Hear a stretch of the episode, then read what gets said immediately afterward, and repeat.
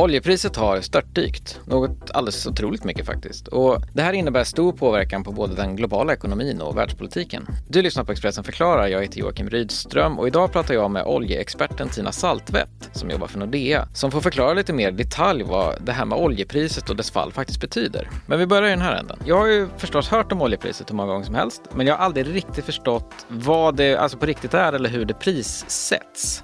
Om man helt kort skulle forklare, hva, hva, er oljepriset for noe? Oljeprisen den reflekterer jo egentlig hva det koster å produsere olje og få den ut i markedet. Men så er det jo slik at oljemarkedet det blir styrt av et kartell, OPEC-kartellet. Eh, og det er hovedsakelig tolv land, mange fra Mellomøsten og noen i Afrika og eh, Sør-Amerika. Dette kartellet har siden 1970-tallet styrt veldig mye av oljemarkedet. Slik at når oljeprisen har falt for mye, så har OPEC kuttet sin produksjon, og så har oljeprisen økt.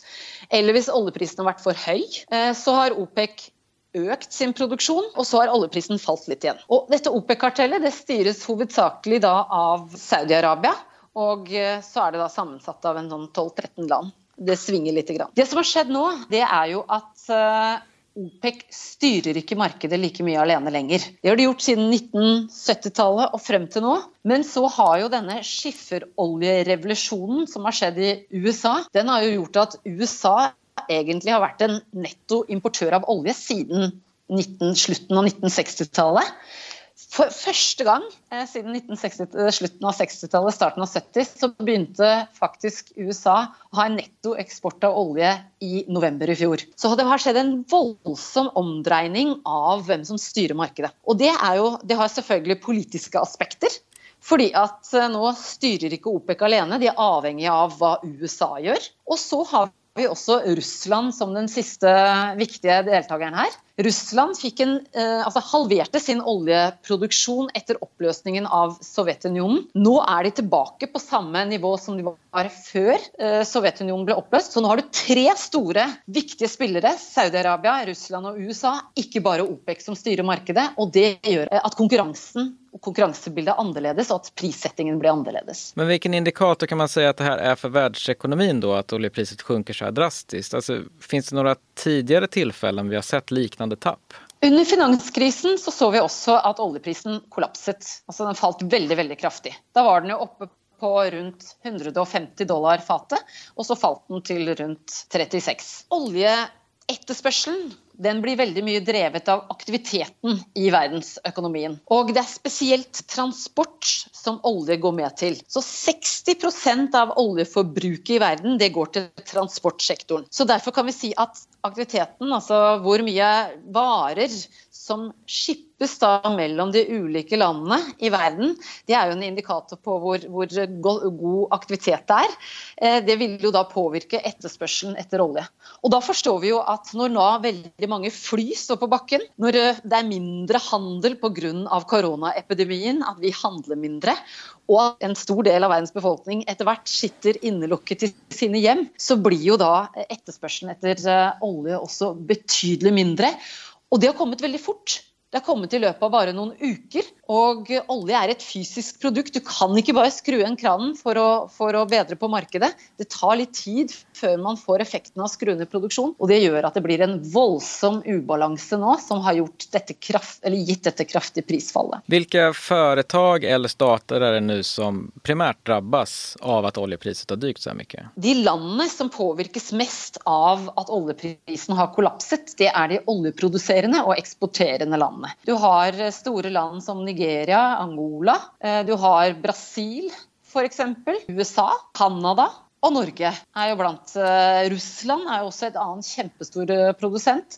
Sånn at det er jo land som, som alle er svært avhengig av produksjon og eksport av olje, som merker det veldig godt. Og Det er selvfølgelig da også en viktig maktfaktor før valget i USA. Eh, fordi at dette her rammer jo ikke bare oljeprodusentene, men det rammer jo all industri som er knyttet til oljeproduksjon. Så det som skjer nå når oljeprisen har falt til eh, noen, altså rundt 20 dollar fatet, et sted mellom 20 og 30 dollar fatet, det er jo at veldig mange av de nye prosjektene ny oljeboring det blir satt på hold, det blir satt på vent.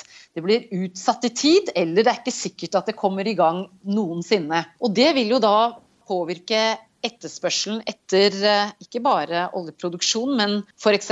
skyting av seismikk for å se om det er olje der. Eh, behovet for rigger for å bore etter olje. Så dette her får en mye større effekt enn bare oljeprodusentene. Skal man si at den globale økonomien, eller mange land, er vi for beroende av olje? I dag er eh, verdensøkonomien svært beroende av olje. Eh, det er transportsektoren. Og det har jo også gjort at olje har blitt brukt som et eh, politisk maktvåpen. Vi så det jo første gang under oljekrisen i 1973, hvordan da man bestemte seg for å ikke eksportere olje til alle land. Men det har jo blitt brukt senere også som et et eh, våpen eller som et verktøy. Det blir jo brukt i dag. Altså, det er jo ikke tvil om at den situasjonen som vi nå ser, altså dette spillet mellom Russland, Saudi-Arabia og USA, styres mye av hvem som skal produsere olje, og hvor stor markedsandel disse landene skal ha av markedet. Så det brukes som et politisk verktøy da, for, å, for å styre. Og da er det klart også at når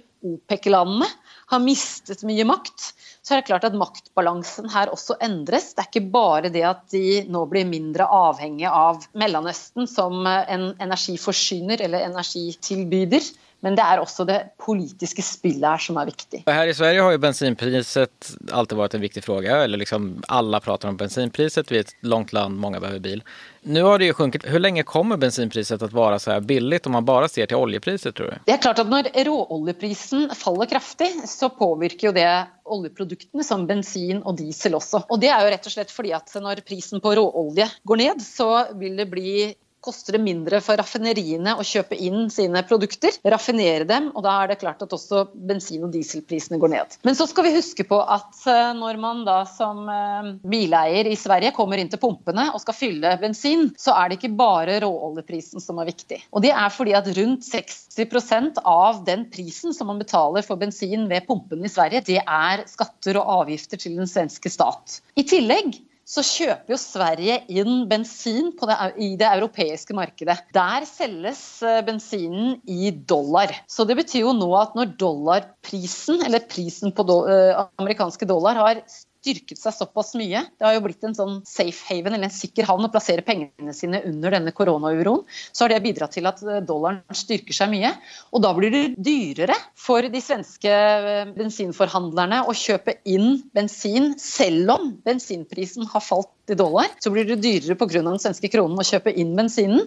Og da ser vi ikke et like stort fall i svenske kroner eh, som det egentlig råoljeprisen skulle tilsi. Det mange undrer er forstås hva som hender nå. Når stabiliserer seg det her igjen? Når vender prisene oppåt igjen, tror du? Det som er veldig viktig for alle markeder, og også for oljemarkedet nå, det er å få kontroll på koronakrisen. Sånn at eh, økonomien igjen kan starte opp, sakte, men sikkert øke den økonomiske aktiviteten. For det er det som er avgjørende for olje- og energietterspørselen i verden. Så før vi får en bedring i forholdene rundt korona, før økonomiene tar seg opp, så venter vi ikke å se noen stor økning i oljeprisen eller oljeetterspørselen. Hvis vi skal ha en oppgang uten at oljeetterspørselen har tatt seg betydelig opp, så må da noen av landene inn og kutte sin produksjon. Da må Saudi-Arabia og Russland inn og kutte, eller OPEC-landene kutte enda mer enn det de har lovet så langt. De har jo allerede kommet til en avtale å kutte 10 millioner fat. Men så skal vi huske på at før denne krisen startet, så brukte verden